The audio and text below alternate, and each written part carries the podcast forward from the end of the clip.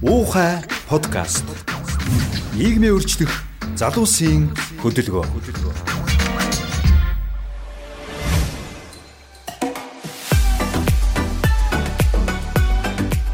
За сайн байцгаана уу? Уха подкастын ээлж дугаар та бүхэнд хүрэхэд бэлэн болоод байна. За энэ удаагийн дугаар бол манай 9 дахь дугаар байгаа. Энэ дугаарын сэдв бол одоо маш сонирхолтой ийм орчин үеийн сэдв байгаа. За тэрний вэ гэхээр а the future of work юу ах талаар бид нар өнөөдөр ярилцах болно. Одоо ирээдүйн ажлын байр гэж орчуулах уу, юу гэж орчуулах уу. За энэ сэдвийн хүрээнд бидэнтэй ярилцахаар ийм маш сонирхолтой гурван залуу хүрэлцэн ирсэн байгаа. За юуны өмнө манай уухаа хөдөлгөөний гишүүн East Maven PR агентлагийн захирал үүсгэн байгуулагч хатагтай гэрэл хүрэлцэн ирсэн байна. Сайн уу гэрлээ? Сайн уу байж юм бэ. Би одоо сүүлийн үед айгу мэрэгшээд ингээд одоо театрын зарлалын зар шиг л шүү дээ. За манай дараагийн зочин бол Сонг цэгийн мэн хоол хүргэлтийн үйлчилгээний одоо анхдагч юм стартап компанид үүсгэн байгуулагч ноён золбоо байна. Сайн уу золбоо? Сайн байна уу. За мөн одоо гурав дахь зочин маань а SMS coworking space компани одоо бизнес хөгжил хариуцсан захирал. За мөн одоо өмнө нь одоо бас өөрөө coworking space үүсгэн байгуулж ажиллаж исэн туршлагатай манай манлай хүрэлцэн ирсэн байна. Сайн байцгаана уу? Бүгдэнд нь өдрийн мэндийг хүргэе. Манлай айгуу тийм baby face-тэй болохоор бас ноён гэж хэлж зүрхлэгсэнгөө. Тэг тийм үү. Дасчихсан. За тэгэхээр а коронавирусын дэгдэлтэй холбоотой ч гэдгийг юм уу те одоо ерөнхийдөө бол одоо зайнаас ажиллах асуудал бол одоо бидний одоо яг цаг үед тулгымцсан асуудал болоод байна. За тийм ч учраас бол а одоо ирээдүйн ажлын байр ер нь ямар байх вэ? Зохиндогийн тусламжтайгаар бид одоо өдөр тутмынхаа одоо ажлын арга барилыг хэрхэн одоо өөрчлөх боломжтой байж гэдэг юм уу те энэ талаар ярилцъя гэсэн юм сэтэл төрсэн байгаа. Яалтчгүй одоо карантин тогтоогоод ингээд ийм нөхцөлтэй байдал үүсэж байгаа нөхцөлд бол одоо бид нар бол дор бүрнээл аль болох одоо ажлаа гэрээсээ шийдэгч гэдэг юм уу те одоо дор бүрнээ яг иймэрхүү асуудлуудтай тулгарч байгаа. За тэгэхээр энэ тал дээр бол одоо маш арвин туршлагатай одоо манай зочид байж байгаа. Тэгэхээр бол өдөр тутмынхаа одоо байгууллагынхаа үйл ажиллагаанд тийм ээ энэ одоо зайнаас ажиллах ч гэдэг юм уу аль эсвэл одоо тогтмол ажилтан гэхээсээ илүүтэй фрилансеруудыг ажилуулах. Энэ тал дээр бол одоо манай гэрлэгийн бас туршлага бол нэлээд байгаа тийм ээ. Одоо компани үүсгэн байгуулад явчих хугацаанд бол энэ төрлийн одоо арга туршлагуудыг бол хэрэгжүүлчихсэн талаар ярьж ирсэн тийм энэ талаасаа хаалцгаа гэрлээ. За тийм. За манай компани ч нь бол үүсгэн байгууллагад одоо 6 7 дахь жил рүү явж байгаа юм. Компани бид нар бол илүү одоо professional мэрэгжлийн үйлчлэгээний одоо салбарт үйл ажиллагаа эрхэлдэг ийм одоо knowledge based гэж ярьдаг те мэдлэг зориулсан ийм одоо төрлийн бизнес эрхэлдэг.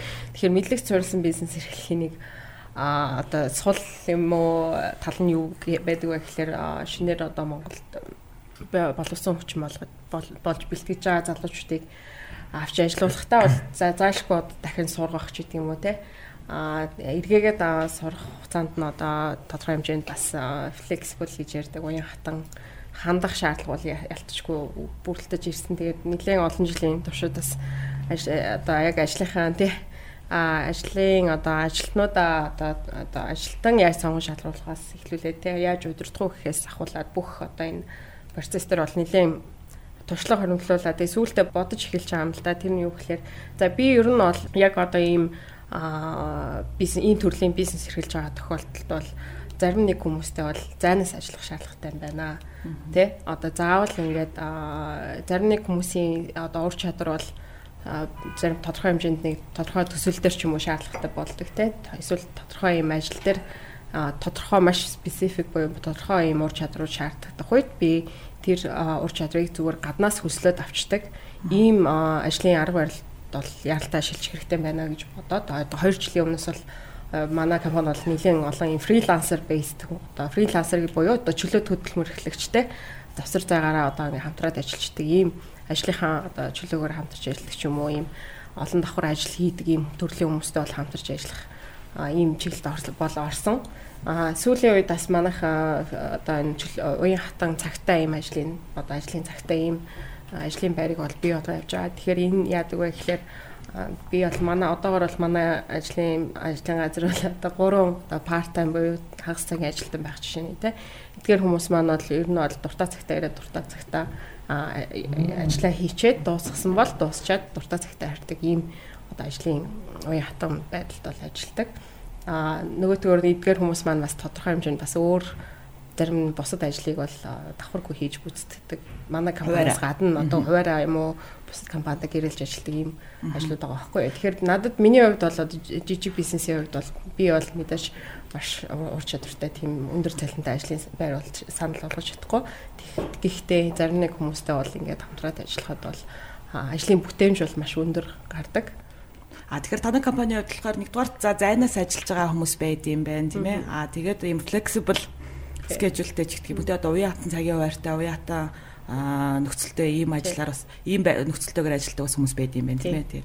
А тэгэхээр одоо манай гурван зочны хувьд бол сонсогчтой гэж хэлэхэд дор бүрнээ бас цоошин салбаруудыг одоо бараг одоо үүсгэн байгуулсан гэх юм уу тийм ээ. Яг цоошин салбаруудад анханасаа ийм компани үүсгэн байгуулад ийм өөрсдөө бас хорж байгаа ийм стартапын одоо хүмүүс байж байгаа.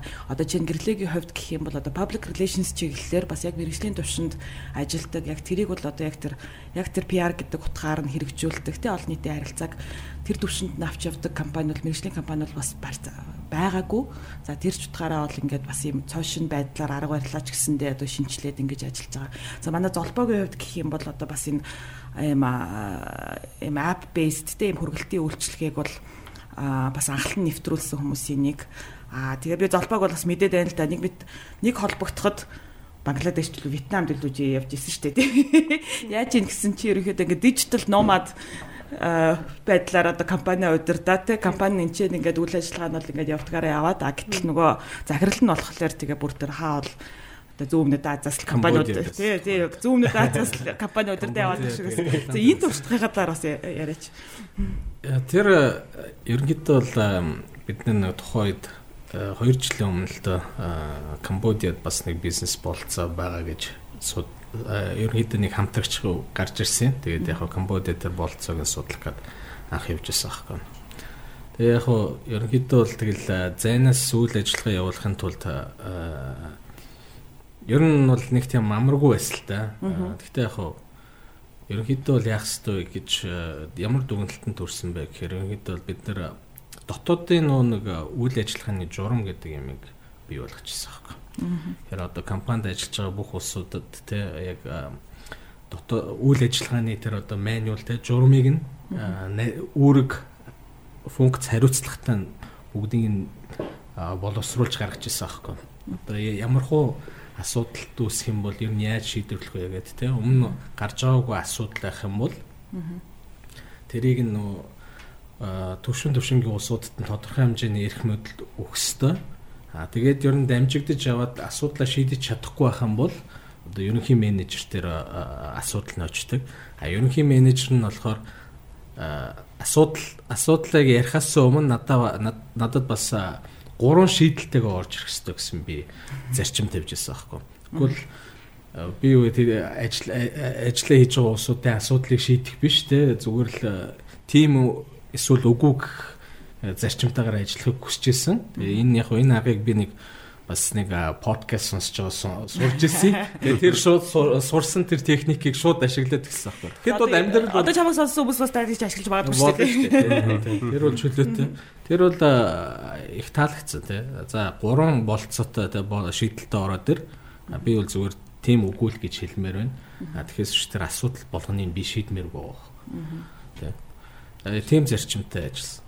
Тэгээд яг ерөнхийдөө бол яг тэр нөгөө нэг компанид одоо бас бас нэг өөр нэг техник нь юу л бүх нөгөө нэг одоо гол гол чухал функцүүд дээр зөвхөн нэг хүн бас байж болохгүй юм байна. Доор хаяж нэг хоёр хүн байх хэрэгтэй те. Нэг нь одоо ажилласаа гардаг ч юм уу эсвэл өвддөг ч юм уу. Ямар нэгэн асуудал үүсэхэд бэкап байх хэрэгтэй те. Орлох хүн байх хэрэгтэй.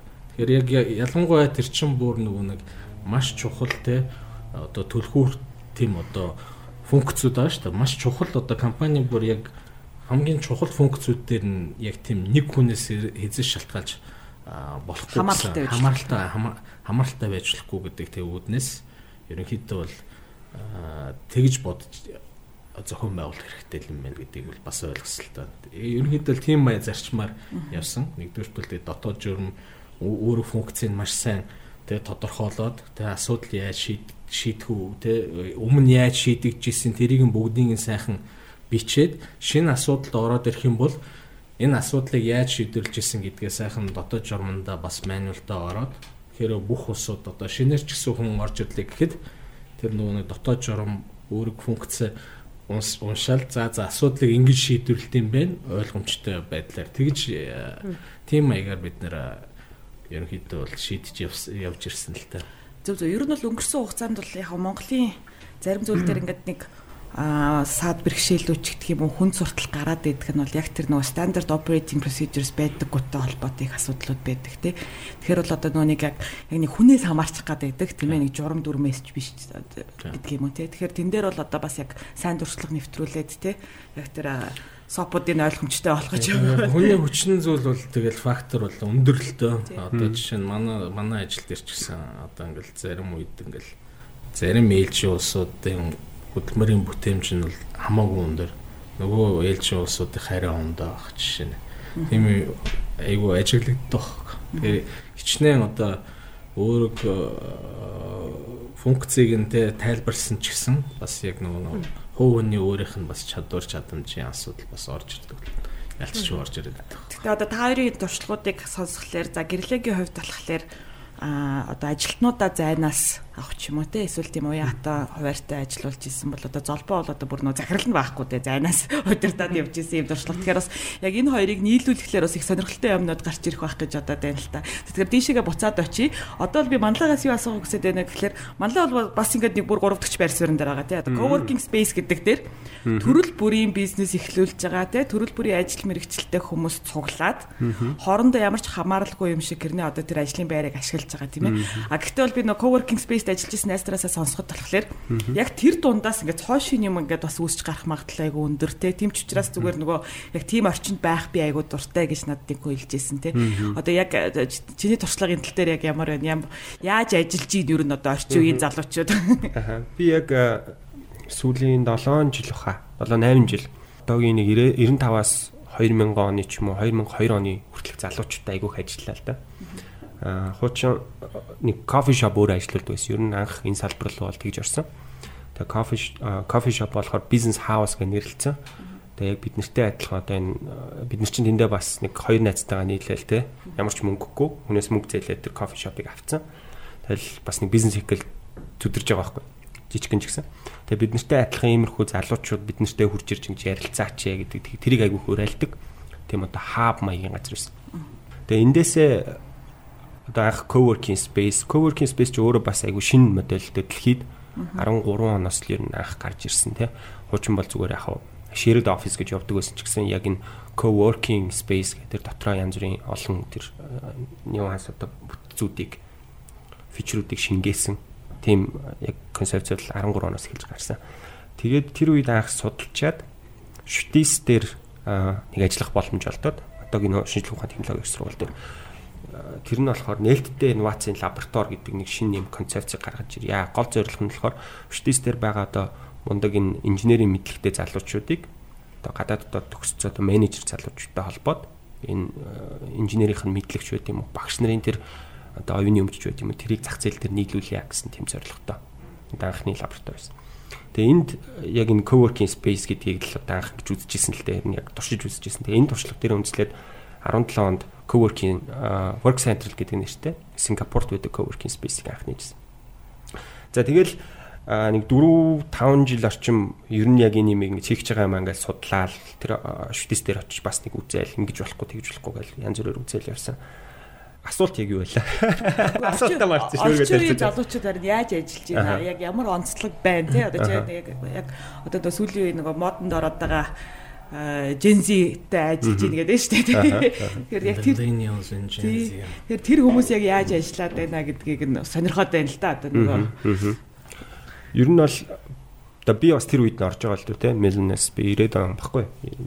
Тэгэхээр бидний яг нэг амар сонирхол нь юу байдаг вэ гэхээр ихчлөөг айгүй хэрхмлээд байдаг те. Одоо хичнээн одоо удирдлах удирдах төвчний хүн ингээд юм ярьжсэн ч гэсэн одоо агуулга нь буруу ч гэдэм үү те. Одоо зүг бас сонин штэ те. Одоо арай насмаг хүмүүс чинь тийм өөрийнхөө эрх ашигын төлөө шид юу тушаал өгдөг те. Тэгэхээр тийм юм айгүй хэцүү байдаг. Тийм болохоор айгүй тийм эрхчлөө те. Тэгээд миний бол ажиллаж ирсэн юу болохоор арга барил болохоор чинь дандаа нөгөө task одоо task based гэдэг шүү дээ одоо түрүүн та хэд бас ярьжсэн те тодорхой нэгэн project-ийн деталийг маш сайн гаргаад тэрэн дээр хугацаа тавьчихдаг. Ан түүнээс би өглөө 8 цагаас орой 5 цаг суух хүртэл тэр бол надад сонирн биш. Зөвхөн тэр таскуудаа биелүүлээ явчихдаг. Урдаа байгаа ажлуудыг. Иймэрхүү байдлаар явдаг. Тэгээд хамт ажиллаж исэн хүмүүс маань ч гэсэн ийм ийм байсан. Тэгээ ер нь бол залуучуудын илүү дуртай ажиллах арга барил нь энэ гэж хагдаг. Тэгжиж одоо яг нөгөө түрүүний хэлжсэн passion тэ тэр бол айгүй чухал л та юмыг own хийх гэдэг дээ. Тийм.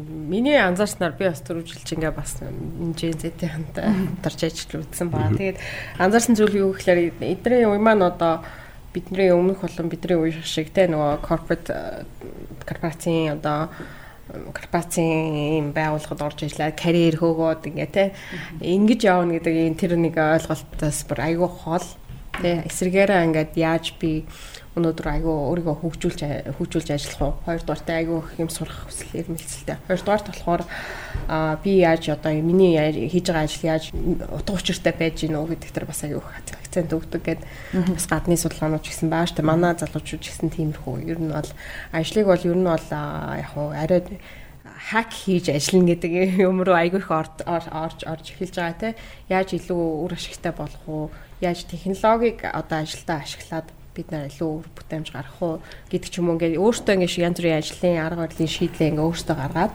ингээд бас ажилдаг залуучууд байна л да тий. Яг одоо тийм бидний одоо өмнөх үеийн ч гэдэг юм уу мөрөдөл болохоор юу байсан бэ гэхээр за баг нэг төрийн албанд ажилд орох гэх юм уу тий. Төрийн албан агч болчих юм бол тэгээ нөгөө job security-тэй тий. Одоо нөгөө Японы нөгөө salary man гэдэг шиг тий. Нэг team идеал байж байгаа л тэгэл нөгөө нэг одоо залуучууд болохоор сургуулаа төгсөөл төрийн алба ч юм уу аль эсвэл нэг аль нэг томоохон те нэр хүн бүхий компани те магадгүй цалин бага байсан ч гэсэн энэ бол надад илүү тийм нөгөө job security өгж байгаа гэдэг болохоор байдал гэдэг айгүй чухал байсан чинь одоо тэр одоо тэгэхээр тэр байхгүй болж эхлээд байна гэж тэ яг байхгүй бол гин үү Тэ одоо та та гурванууд бас гурлал ажил олгогч нартай. За би ч гэсэн ажил олгогч тий. Яг миний туршлага дээр харахад бол яг тэр менталити бас байгаад байна. Тэ? Одоо ингээд нэг тийм доктортой ажиллах. Тэ? Одоо ингээд юу гэдгийг нэг тийм 8%-ийнхаа зээлийг авах төвшөнд ингээд хаяад тий тэр бол тэр бол бас ерөнхийдөө тэр 8%-ийн зээл орон сууцны зээл гэдэг ч юм уу тэр бол маш олон хүмүүсийг бол ажил дээр нь бол уйж байгаа л да ялцчихв. Тэр бол нуудан Америкчуудын нэтэ зохиосон Америкийн банкируудын зохиосон схем гэдэг шүү дээ. Яг үнэ.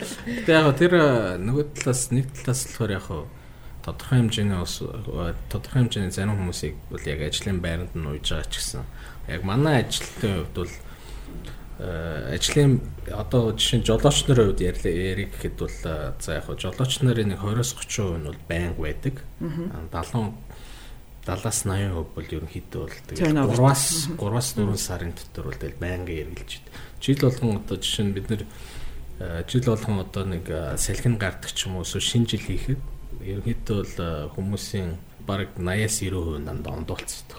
Яг хөө одоо бол тэрийг бол ерөнхийдөө байх ёстой зүйл гэдгийг одоо ойлгочихж байгаа. Тэгээд тэрэн дээр бол ерөнхийдөө бол маш тайван ханддаг болсон. А тэрнээс гаднаас яг бас программистуудтай бас зайнаас ажиллаж бид нар бас явж байгаа.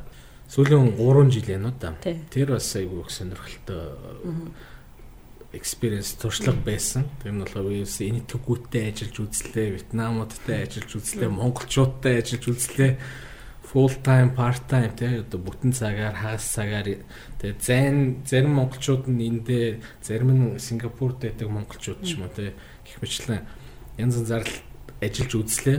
Тэр бас бас бас шал ондоо байгаа байхгүй. Тэр бас усууд яг зайн ерөнхийдөө ажиллах чадвартай усууд гэж бас байна. Чадваргүй усууд гэж бас байгаа Тэгэхээр одоо тэдний нэг тийм бас нэг тусгай скил байна. Тусгай бас нэг ондоо юм байгаад байгаа байхгүй. Одоо ингээл тэднэрт нэг тодорхой хэмжээний нэг таск өглөө гэж бодъё л да. Тэгээд өөрөг даалгавар өгчлээ гэхэд тэгэл яг явцын дунд яг 1 2 сарын дотор яг мэдэгдэх байхгүй. Тэр хүн яг зайнд ажиллаж чадах тий. Сахилга, хувийн сахилга бат зохион байгуулалтаа хүн үгүй гэдэг нь шууд мэдэгдэх байхгүй.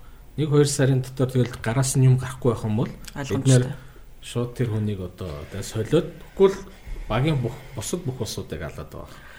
Бид нар өмнөх дугаараар бас нэг асуудлыг хөндөж ирсэн. Одоо brain drain гэж байгаа тийм ээ. Одоо нэг монголчууд маш их хөрөнгө оруулалт Монгол улсад тухайн хүмүүст хийгээд ч гэх юм уу тийм Монголдо боловсролизм шээд ингээд янз бүрийн тэтгэл гэнтэрээр одоо өндөр боловсролизм шигсэн хүмүүс тий одоо гадагшаа гараад өөр шалуур газар ажил хийгээд байна энэ гэл тий тэр хүмүүсийг яаж татах уу гэл бас нэг ярьсан нэг дугаар дээр.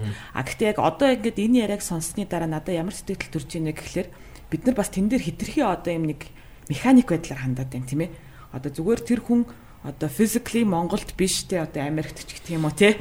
Англид ажиллаж байна гэдг нь Тэгээ одоо тэгээ шууд ингээд Монголын эдийн засгаас гараад явчихж байгаа зүйл биш тийм үү? Тэ одоо бид нар шиг одоо залуучуудын одоо энтерпренерууд тэр хүмүүсийн бас скиллийг ашиглаж болж штэ. Тэ рекрутментээ арай үр төвшөнд хийх. Бид нар саяхан backend developer-ийн нэг ажлын байр зарласан аахгүй. Тэгээд тэр нь тэр нь болохоор бид нар солонгос суддаг нэг залуу авсан. Аа ажлын байрыг нь болохоор ерөнхийдөө бол Facebook группээр зарлаад рекрутментийн нь болохоор энд хийсэн мөртлөө манай ажилтан болохоор 7 хоногт 35 цаг ажиллах хүн маань Солонгост байгаа. Солонгос оюутан. Энэ хандлага ч гэсэн. Тэгэхээр ерөнхийдөө бол тэр бидний хувьд бол яг бас яг ажлын байрыг ч гэсэн бас рекламдахтай тий зарын тавихтай угаасаа хэлжсэн аахгүй.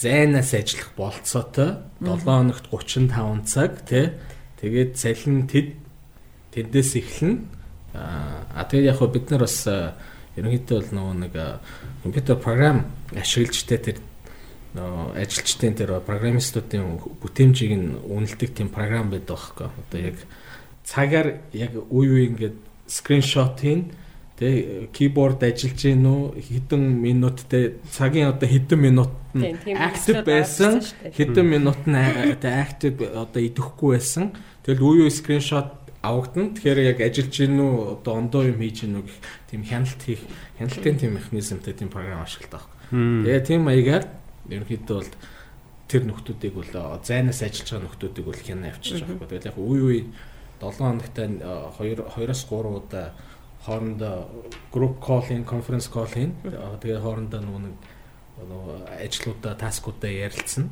Тэгэл ерөнхийдөө бол тийм маягаар ажиллаж байгаа. Тэгэл яг Одоо манай программистууд бол офис дээр ирж цуглархаа бол болцсон.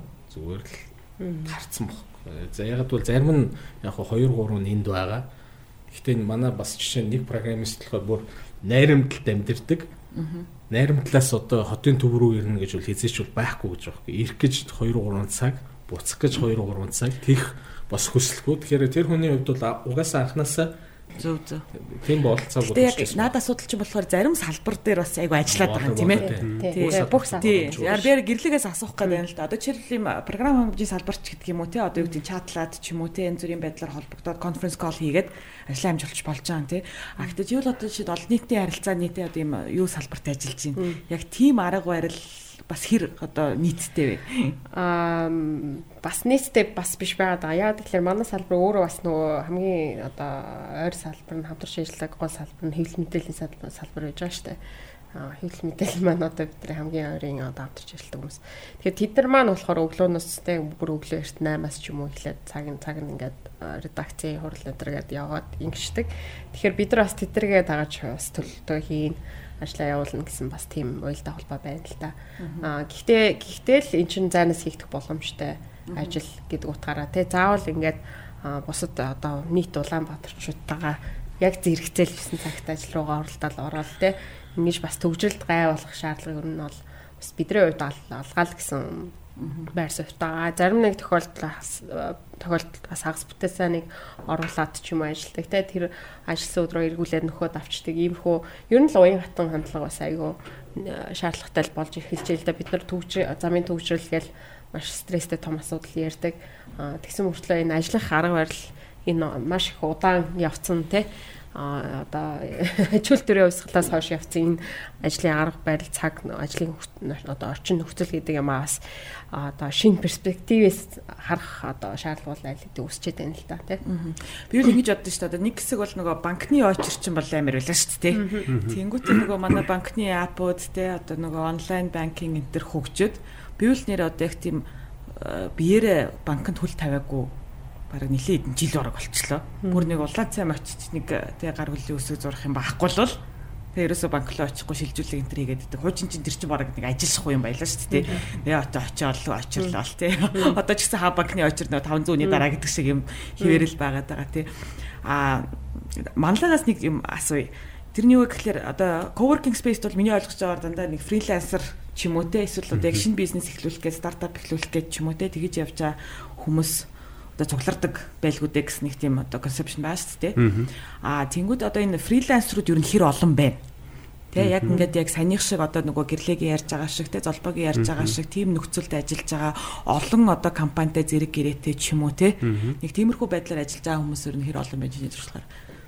Ер нь байгаа байгаа. Гэхдээ хангалттай хэмжээнд бол биш гэж харж байгаа. Яа тэгээд coworking space гэхээр тэгээ гадаад дотоод байсан coworking space-д орж исэн хүмүүс бол нэг өөр утгаар ойлгож байгаа тийм.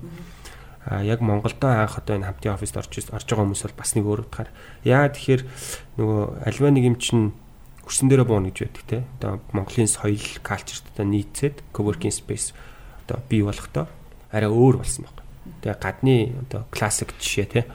Яа тэгэхээр одоо стартап гэдэг юм уу, entrepreneurship гэдэг зах зээл нь одоо тэр систем экосистем нөр аяг том.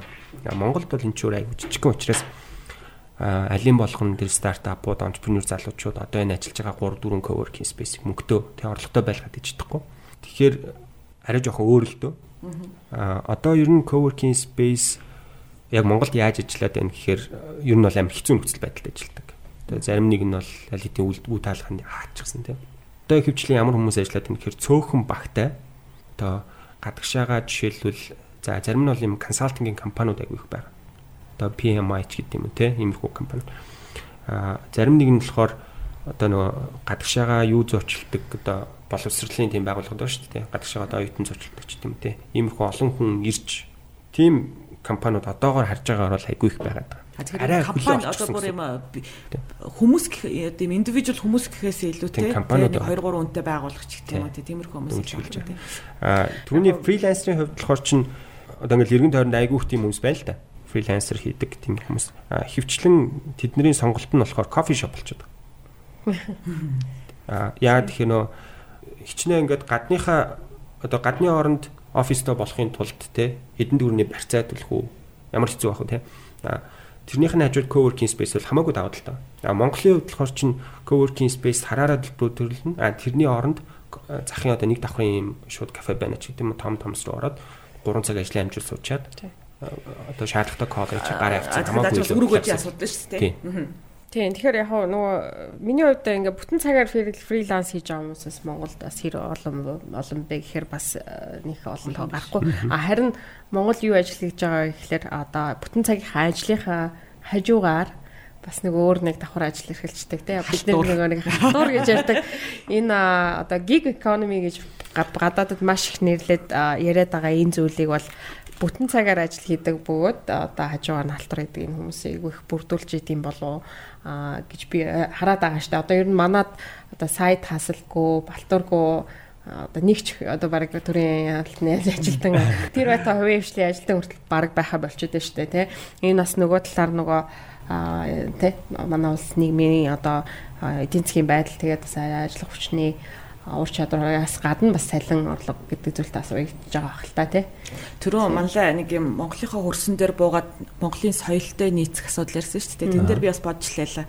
Ер нь бол манай одоо нүүдэлч тий. Тэгээ номадс тий. Тэр номадс гэдэг чинь дижитал номад центр гэл одоо бараг тэр бид нар хамгийн ойр ойрхон тий. Тэр концепт бидний хувьд ойрхон. Яг гэхээр манай малчт тийм одоо манай нүүдэлчин тэр одоо эдийн засгч яаж ийнвэ гэхээр ерөөсөө тийм нөгөө 9-өөс 6-гийн хооронд гэсэн цаг нар байхгүй тийм ээ.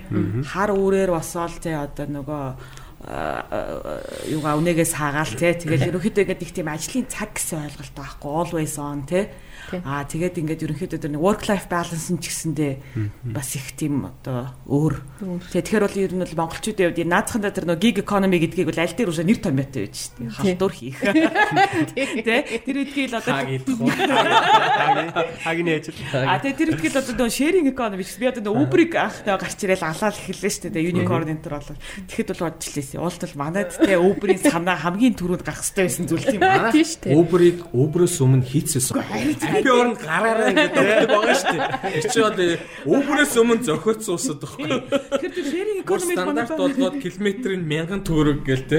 Амар э, систем уршаа гаргацсан байхгүй. Тэр чинь апээс нь өмнө те. Харин тий. Гэхдээ тэр үедгээл одоо тэр нөгөө нэг шар тустай кофе чи байж тээ нөгөө bullet proof coffee чи. Нөгөө манай нөгөө юуны сүдэ цайнаас баг гаралтай зүйл шүү дээ.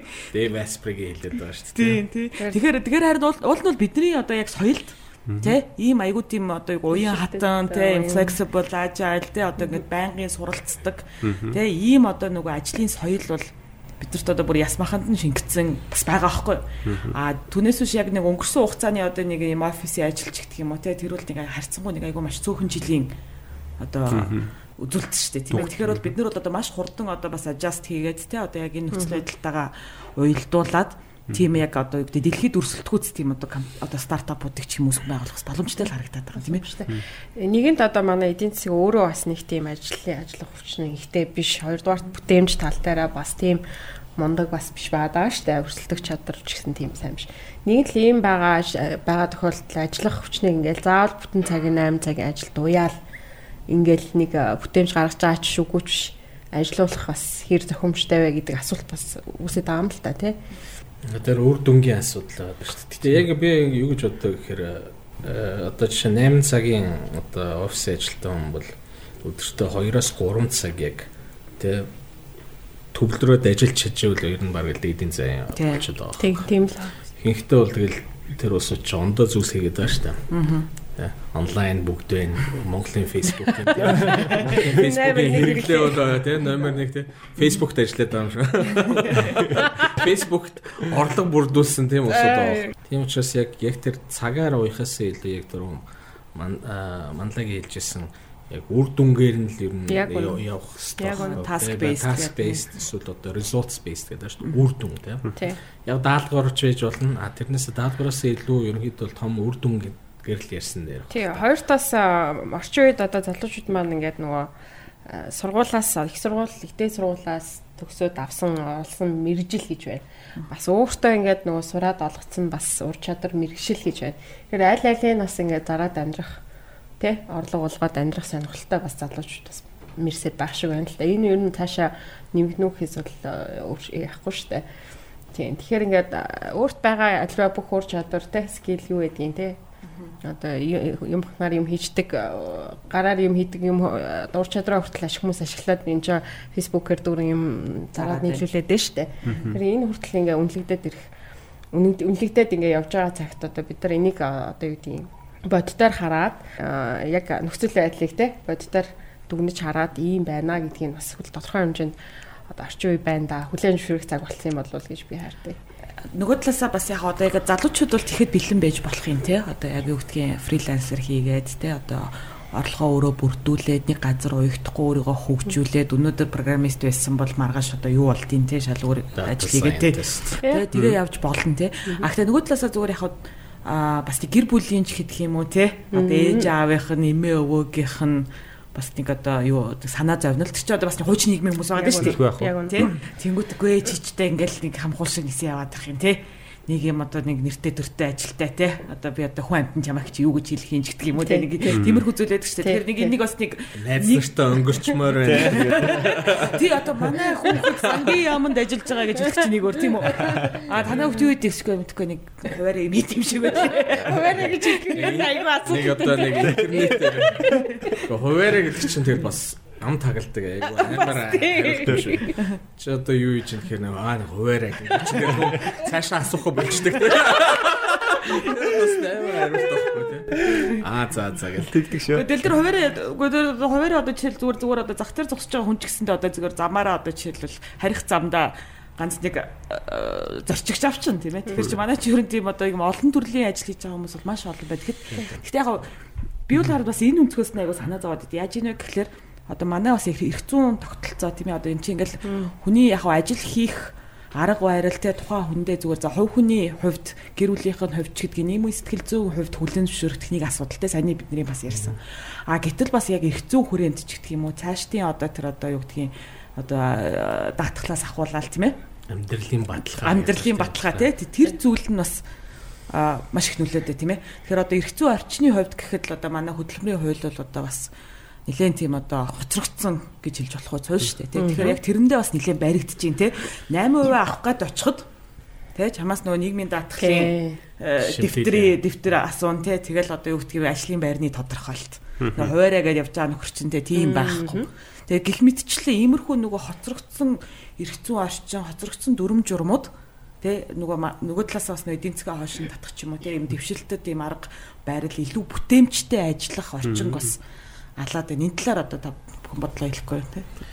Тэгээ ерөнхийдөө бол тийм асуудал бол угаасаа байгаа л да. Одоо манай жолоочтой хувьд л одоо тэд нар чин ерөнхийдөө явснараа мөнгө хийж байгаа. Тэгэхээр ерөнхийдөө бол нийгмийн даатгалын шимтгэлийн асуудал угаасаа бас банаад боломжгүй зүйл байхгүй. Яг бол цалин өөрөө тийм одоо фиксд бол биш те цаанаасаа яг тэдэн төгрөг гэсэн зүйл байхгүй. Зарим нь бол яг өглөө 8-аас ахуулаад орой 10 хүртэл ажилладаг хүмүүс байна. А зарим нь болохоор үдээс хойш ч юм уу 4 байна 5 цагт ирээл те оройн 5 цагийн алдаар гарч ирээл 8 цаг хүртэл те 3 цаг явал буучдаг ч усуд байна. 7 хоногийн хагас бүтэнсээр ажилладаг те тийм дугуйчин оюутнууд байна те. Тэгэхээр ерөнхийдөө бол айгүй хэцүү байхгүй Тэр үнэлгээ ажлын үнэлгээг нь ч гэсэн бид нар яг цагаар бид цагаар хийх бас болцоогүй тийм Бид нэрээ хувьд бүр үнэлгээг нь шал ондоо метрик ашиглаж байгаа хгүй. Явсан километр гэдэг юмар тий. Бүр өөрөөсөө тийм шал ондоо Тэр нөгөө хууль эрхцүүдтэй хааж байгаа. Тэр тэр ямар ч хууль эрхцүүд байхгүй. Зохицуулагдсан зүйл байхгүй. Тийм зүйлсүүд байгаа л та. Яг хөө тэр нийгмийн тэр одоо нөгөө нэг асуудал байгаа л да одоо тэр одоо амьдралын баталгаа гэдэг. Гэхдээ яг угаасаа энэ ажлын өөрийнх нь онцлог нь юу гэхээр энэ бол одоо бүтэн цагийн ажилласаа илүү одоо нэмэлт одоо цаг гэдэг чинь part time юм уу эсвэл нэмэлт орлого талаас одоо хийж байгаа улсууд зөндөө аахгүй тэр талаараа угаасаа бид нэр ажиллаж байгаа. Тэр тэр тал дээр бол угаасаа мэдээж хөдөлмөрийн хууль дээр тийм зохицуултууд бол байхгүй байгаа. Хөдөлмөрийн хууль нь угаасаа өөрөө ерөнхийдөө баг социализмын үеэс тэгэхээр хууль нь тэгээ 80 90% нэх өөрчлөлт байхгүйгээр ороод ирсэн явж байгаа байхгүй. Нөгөө талаас болохоор нийгмийн даатгалын шимтгэл нь өөрөө болохоор бас ажил олгогч нарт айгүй дарамттай. Яг бол тэр чин зөвхөн одоо нөгөө нэг ажилчдаасаа авж байгаа шимтгэлээс гадна бас ажил олгогчоос давхар авж байгаа шимтгэл байгаа байхгүй. Ерөнхийдөө одоо ажил олгосон төлөө одоо тийм шийтгэлтэй явж байгаа одоо тэр нэмэлт ачаал үүсэж байгаа байхгүй. Тэгэхээр тэр энэ бас нийгмийн даатгалын шимтгэл нь бас өөрөө сүүлийн 3 жил нэмэгдэж яваад байгаа. Ер нь компани явчихсан одоо шинээр ажилтаа авахд бас хүндрэл үүсэж байгаа. Ажлын байр бий болох. Ажлын байр бий болоход бас хүндрэлтэй хэцүү. Тэгээ над нар чи болохоор бас ямар бодлоо гэдэг вэ гэхэлэр а яг ийм мэдлэгт суурилсан одоо салбарт ажиллаж байгаа компаниудын хувьд гол одоо зардал нь бол зөвхөн цалин байдаг тийм ээ. За магадгүй бага хэмжээгээр түрээстэй одоо юу гэдгийг ашиглалтын зардал интернетийн төлбөр тий. А гэтэл яг үндсэн цалин а биш үндсэн зардал нь цалин байгаад байдаг. А тэнгуү цалиндаа ч юм болохоор ерөөсөө ингээд бараг 30%-ийн татвар төлөх гэдэг нь шүү дээ үндсэн тий. А тэнгуүд нөгөө нэг тэр цалинг болохоор наадах нь нөгөө нөөтөөс хасахгүй байх жишээ нь тий. Тэгэхээр олж байгаа бүх орлогоосоо бараг 10%-ийг дахиад нөөт нөөцтэй төлн тий. Тэгэхээр бол нөгөө яг энэ зохицуулт чинь болохоор яг тэр мэдлэг суурилсан одоо салбаруудыг бас хойшин чангаах хамгийн одоо бас нэг том хүчин зүйл болоод байна шүү дээ. Тэрэнд орвол бараг тэр нөгөө мөнгөөрөө гяст нэг одоо нэг тийм экспорт импортын бизнес хийдэг ч юм уу тий. Тэнгүүд ингээ бүгдээрээ нөгөө 8 чин болчих жишээ тий. Урт хугацаанд яг нэг хүнд хөрөнгө оруулалт хийгээд тий хүнээ магадгүй сургаад ч юм уу тий. Тэгж явах бас нөхцөл болцоог бол манай эргэцүү орчин бас төдийлөн олгож чадахгүй байна тий. Тий одоо ер нь ирээдүйд манай ажлын байран дээр ч гэсэн одоо маш их олон залуу шин залуу оюутнуудыг бол ажилд авах сонирхолтой байдаг те. Шин дээрээ юм сурах гэж бодоод тэгээ цаашаа өргөжлүүлээд ажилд аваад сургаад явж байгаа гэж ойлгоод байгаа штэ. Тэгтээ бас сайн болгоод байгаа штэ. Тэгэхээр энэ хугацаанд бид нар чинь баг ингээд зардал гаргаад байгаа байхгүй хий дими баг те. Хүн сургаж байгаа нэрийдлэр ингээд байлгаад. Аа тэгээд эргээгээд одоо юу гэдгийг одоо барууны оронд бол эн чинь татрын хөнгөлт авдаг те. Тийм хөө зохицуултууд зөндөө байна apprenticeship гэж зарлаад хэрэгжүүлсэн бол те. Тийм зохицуултуудыг Монголд бол- маш их яралтай одоо юу гэдэг ирээдүйд ойрын ирээдүйд оруулж өгч тусахгүй бол миний бодлоор одоо юу гэдэг манай боловсролын салбарын үйлдвэрлэж гаргаж байгаа ажиллах хүчин одоо энэ шин залуу салбарын одоо хэрэгтэй шаардлагад бас нийт нийцэхгүй байгаа шүү дээ төдийлэн биш би цоо шин мэрэгчлэр сургаж авч байгаа учраас эн чинь цаг хугацаа орно тий. Тэгэхээр энэ apprenticeship буюу дахин сургах энэ ажил энэ тал дээр бол зайлшгүй дотрын бодлого хөнгөлтийн бодлого байх хэрэгтэй гэж үздэг. Хоёрдугаар тас энэ а а за мартчихлаа ярих гэсэн юм та. Тийм ер нь миний бодлоор ингэж бодол идэг юм л да. Одоо а, одоо энэ байгаа хөдөлмөрийн хуульч гэдэг юм уу те энэ батлагц хамгийн сүүл хизээ шинжилэл хийсэн те. А тэгээд ямар хүмүүс ямар одоо орчин нөхцөлд шинжилсэн. А гэтэл сүүлийн 10 жилийн дотор одоо юм амар өөрчлөгдөд нь штэ. Тий. Юм айгүй өөрчлөгдчихлөө. Бид нэр одоо жишээл 10 өмнө 10 жилийн өмнө ингэж онлайнаар ингэж харьцаж ремоут байдлаар ажиллана гэдэг өөрөө айгүй тийм боломжгүй зүйл байлаа штэ. За түрүүний хэлдгээр энэ тэг энэ төр одоо маш сайн тэр авц орсон системтэй байж ижил одоо хийдэг энэ төр зүйлээс одоо гítэл зүгээр л би өнөөдөр Америкт байгаа нэг залууг одоо хайрлаж болно шүү дээ. Тэгэхээр энэ бүгдийгээ ирээдүй хаачаад байна гэдгийг харж иж одоо энэ Хууль эрх зүгээ зохицуулах тийм бодлогуудаа гаргахгүй бол тэр нь жоохон тутмаг санагдаад байна. А 13 онд нөгөө нэг MTV гэдэг дээ. MTV-гээс тийм судалгаа хийсэн мөлий. MTV чинь би зүгээр хөгжмийн сувг юм бах гэж боддог байсан чинь тэр чинь юу вэ? Америкийнхаа одоо яг залуучуудын тэр юм цаг үе гэдэг юм уу те одоо соёл, мод одоо бүх юм тодорхойлдог тийм том институт юм байна шүү дээ.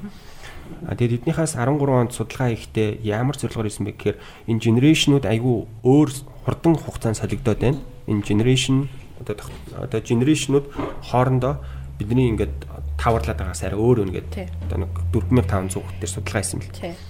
Тэгсэн чинь одоогийн бидний Gen Z гэдэг байгаа шүү дээ тий. Z generation гэдэг. Энэ хүүхдүүдээс яг авсан байлээ л тухайн онд 13 онд. Тэгж яхад им хид хидэн нэрний сонголтууд гарч ирсэн мэлээ. Тэгээ өөртөөс нь яг та хэдийг юу гэж нэрлэх вэ гэдэг. Тэгсэн чинь нэгт нь бол яг Z generation гэдэг энэ гарч ирсэн. Хоёр дахь нь болохоор бид нэг founders гэж нэрлэеч гэдэг. Ийм одоо хариулт гарч ирсэн. Тэгээ ер нь бол ажил юм санаа шинээс Founders тийм. Тэгээ үүсгэн байгуулагч гэж байна. Тэгээд яг хөө энэ буцаад ингээл ер нь дэлхийд даяар яригдж байгаа юм юу байсан бэ гэхээр энэ залуучууд чинь юу үсээд байгаа юм бэ амар өөрөө нэгнийг тодорхойлох гол айгүй хүдэж штэ түн. Тэгээд эднэр болохоор нөө түүний эрхчлөөт гэдэг юмдаа ингээд интернет одоо энэ бүх юмнууд одоо ингээд автгаалчлаа шүү. Тэрвээ програм бичдэг бол өөрөө нэг санаа гаргаад тэрийг одоо аппликейшн болгоод одоо э, үнэхээр тэрийн сайн болсон бол шууд мөнгө олох боломжтой тий. Хувь хүн ч гэсэн. Энэ founders гэдэг ингээ яриад яваад байгаа. Тэгэхээр энэ үе рүүгээ харсан тэр бодлого тиймэрхүү юмнуудыг хийсэн л Тийм ер нь бол альва нөгөө бид нар манай бизнесүүд ч гэсэн ажил олгогч ч гэсэн ингээд яг тодорхой хугацаанд ингээд дасны альва шинэ өөрчлөлтүүд дасан зохицууд ингээд ирлээ штэ. А гэхдээ одоо энэ үе солигдно гэдэг юм чинь бол маш том одоо өөрчлөлт, суур өөрчлөлт байдаг гэдгийг бас аягүй сайн ойлгоод авчлаа зүгээр юм шиг. Энэ суур өөрчлөлтийг бол бид нар өмнөх одоо хуучин соёлоороо ингээд хөвшүүлээд аваад ингээд явна гэдэг цаашаа явна гэдэг ойлголт баг байхгүй гэж би юу ойлгодог байхгүй.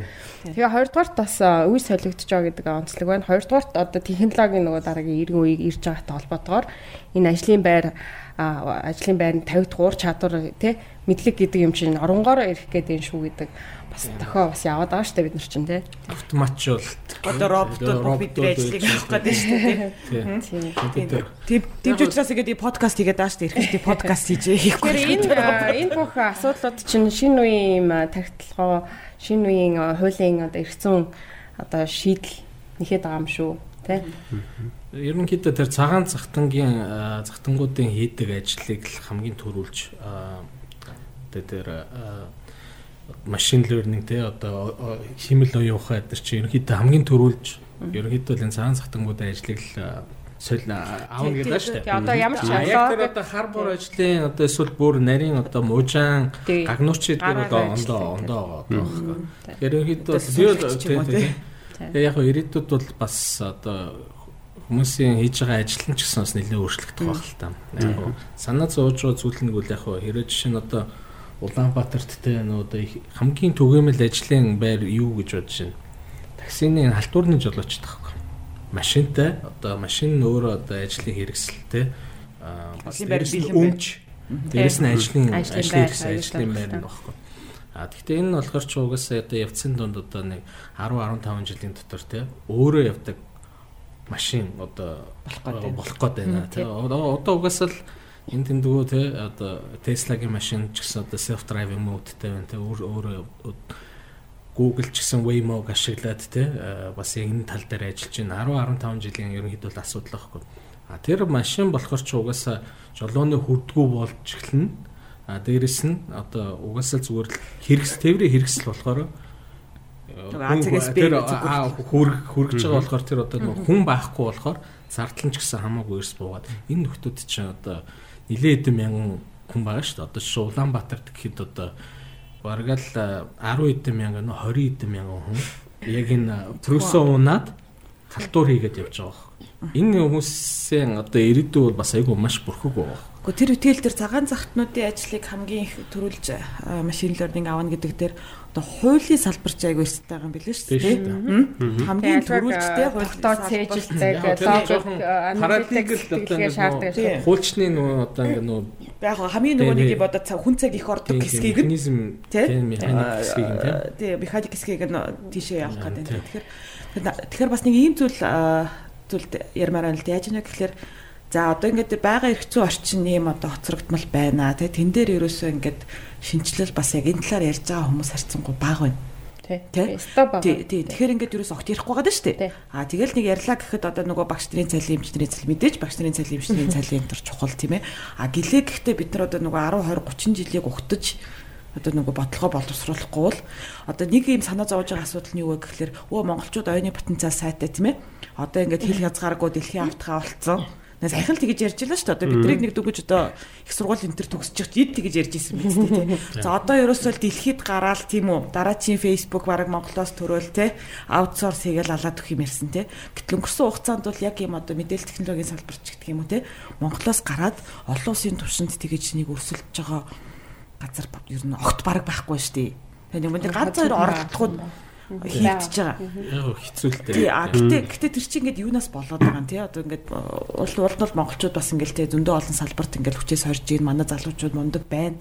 Тэ а гэтэл тэнцээ очиод фейсбુકт ажиллаж байгаа зүгээр тэнцээ нэг программист хийж байгаа нэг нөхрийг олоод оо инстай айгуу супер ажил хийчлээ. Үгүй шүү дээ. Тийм үстэй бид нар яг Монголдоо тийм том юу үсгмээр байна. Яг тэр Монголд бол яг тэрнтэй холбоотой бол яг бас айгуу олон факторууд байгаа л да. Олон хүчин зүйлсэн тийм. Жишээ нь одоо нөгөө нэг стартапын хувьд бол экосистем баг шүү дээ тийм одоо тэр ч одоо хөрөнгө оруулагч байх хэрэгтэй angel investors venture capitalistууд те хөрөнгө оруулалтын сангууд байх хэрэгтэй тэгэл янз бүрийн акселераторууд те инкубаторууд байх хэрэгтэй тиймэрхүү зүйлс тал дээр бол яг одоо бол мерсэр үүсэл явж байгаа ч гэсэн ерөнхийдөө бол ерөөсөн мэрэгжлийн төвшөнд бол очоогүй байх. Амар дэндүү шинэлэг салбар байгаа даа л та. Тэр одоо экосистем байхгүй болохоор бас хөгжихэд хэцүү гэж би харж байгаа. Хоёрдугаар талаар угаасаа дэлхийн хэмжээнд ямарваа нэгэн зүйл хийхин тулд одоо ингээл стартапуудын гол утга учир нь болохоор ерөнхийдөө асуудал шийдэх штеп. Одоо дэлхийн асуудлыг одоо жишээ Монголоос харах бол бас хэцүү байна. Тэгээ байж тээ бүх дэлхийн асуудал байна тийм шүү. Тийм тийм бас байгаа л та. Гэхдээ яг дэлхийн хэмжээнд одоо ингээд шийднэ гэдэг бол маш хэцүү байна. Тэ одоо зөвхөн бүх юмыг одоо зөвхөн софтверээр тэ эсвэл одоо тэ програм хангамжаар бол шийдэх болцоогүй шүү дээ. Тэгээ бас ондоо элементүүд орж маш хүндрэлтэй. Монголоос гарахын тулд эхлээд Монгол дотроо тэ маш амжилттай ажиллах шаардлагатай байхгүй. Миний бодлоор бол тэ Монгол маш амжилттай ажиллах бол аюу хэцүү. Одоо ингээл Frank Sinatra-гийн дуу байдаг шүү дээ. Чи нөө if you make it in New York you can make it anywhere гэж байна шүү дээ. Чи Нью Йорк далж байвал тэ хаач ална. Би бол тэгж бод. Чи Монгол далж чадчихвал хаач ална. Юу Нью Йорк тэ ерөнхийдөө маш хэцүү нөхцөл байдалтай ажиллаж байгаа байхгүй тэ. Бүх бизнес эрхлэгчд хууль эрх зүйн талаасаа ч тэр зах зээлийн ч гэсэн харахад ерөнхийдөө бол маш маш хүнд зах зээлд зах зээл нь маш хүнд нөхцөлд ажиллаж байгаа. Хоёр дахь нөгөө нэг одоо ингээл бид нэр ингээл тэ түрүүний хэлэхээр гинт ингээл монголчууд ингээл шинэ бүтээгдэхүүн үсгээл тэ шинэ технологи үсгээл халаад байна гэдэг юм байхгүй шүү дээ. Тэр чинь цаана 60 70 жилийн түүхтэй тэ. Тэр чинь бүх одоо экосистем тэндээ божоо л явж байгаа шүү дээ. Жишээлбэл Intel гэдэг компани яаж үүссэн ингээл тэр чинь тэндээс гарсан ажилчид тэгэл одоо Intel компанид ажиллаж исэн хэдэн ажилчид л ерөөсөө яг энэ энэ экосистемийг даах үүсгэсэн шүү дээ. Тэгэхэд бид нэр тийм систем байгаагүй. Тэгэхээр одоо бас яг оригинал юм хийдэг сая жоохон хэцүү байна. Яг өнгөрсөн 30 жилийн хугацаанд бол тэгэл бас том том компаниуд бий боллоо, том том салбарууд ч бас бий боллоо. Тэгээ тэр хугацаанд дотор бол ингээд бас боёжилт бол явагдах бол боломж бол байсан уу? Байсан гэж би бол хувьдаа хараад байна. Тэр яг бид нар нөгөө нэг байнга ингээд нөгөө Монгол жижигхэн, Монгол тийм нөгөө дэлхийн асуудал байхгүй энэ гэсээр хагаад Тэ магадгүй ингээд өөрсөндөө шаардлага бас харцсангүй баг тавиад байгаа юм биш үү. Тэгээ өөрсөндөө тавьж байгаа шаардлагаа өндөрсгий. Тэ?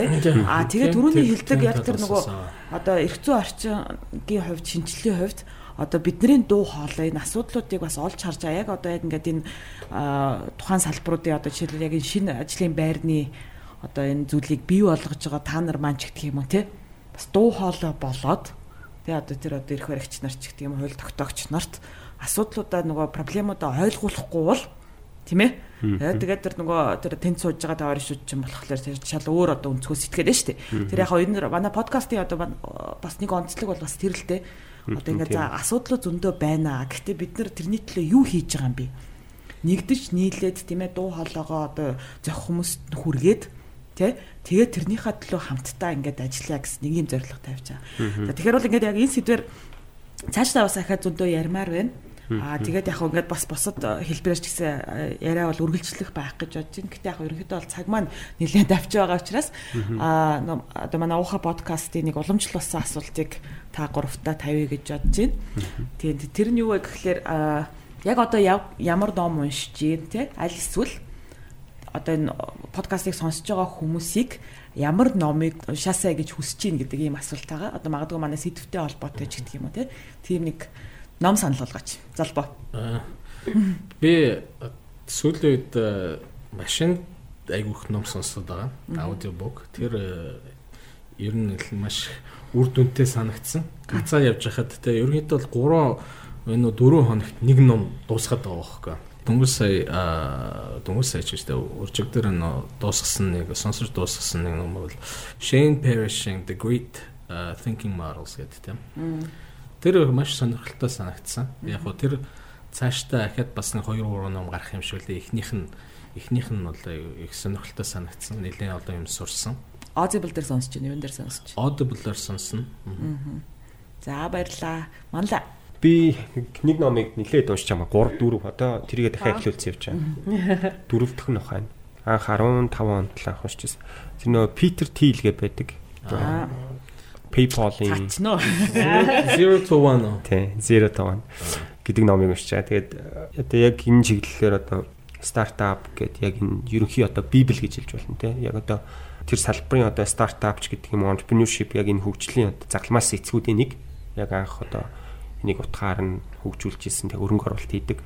Миний хувьд бол яг өөрийнхөө салбраас гадуурх одоо бусад салбарын одоо Андри сэдвтер номуудыг илүү сонирхдаг ба. Тэгээд энэ удаад бол энэ Мариана Мазукато гэдэг э одоо эдийн засгч хүний value of everything буюу бүх зүйлсийн үнцэн гэдэг нэртэй энэ номыг бол онцлмоор байгаамаа. Тэгээд тэгээ энийг бас уншихсан гэж бодож байгаа тийм. Наач бас маш сонирхолтой сэдв те. Яг тэгэхээр бид нар хитрхийн нөгөө бас либерал тал руугаа хэлбигээд те. Ялангуяа манай залуучууд либертарианууд болшроо.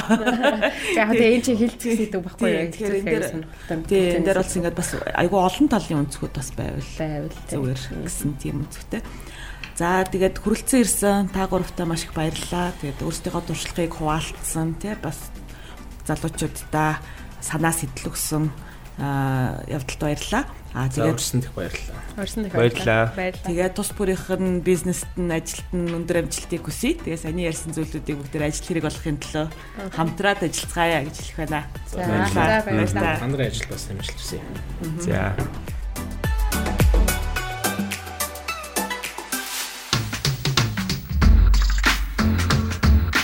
Уухай подкаст.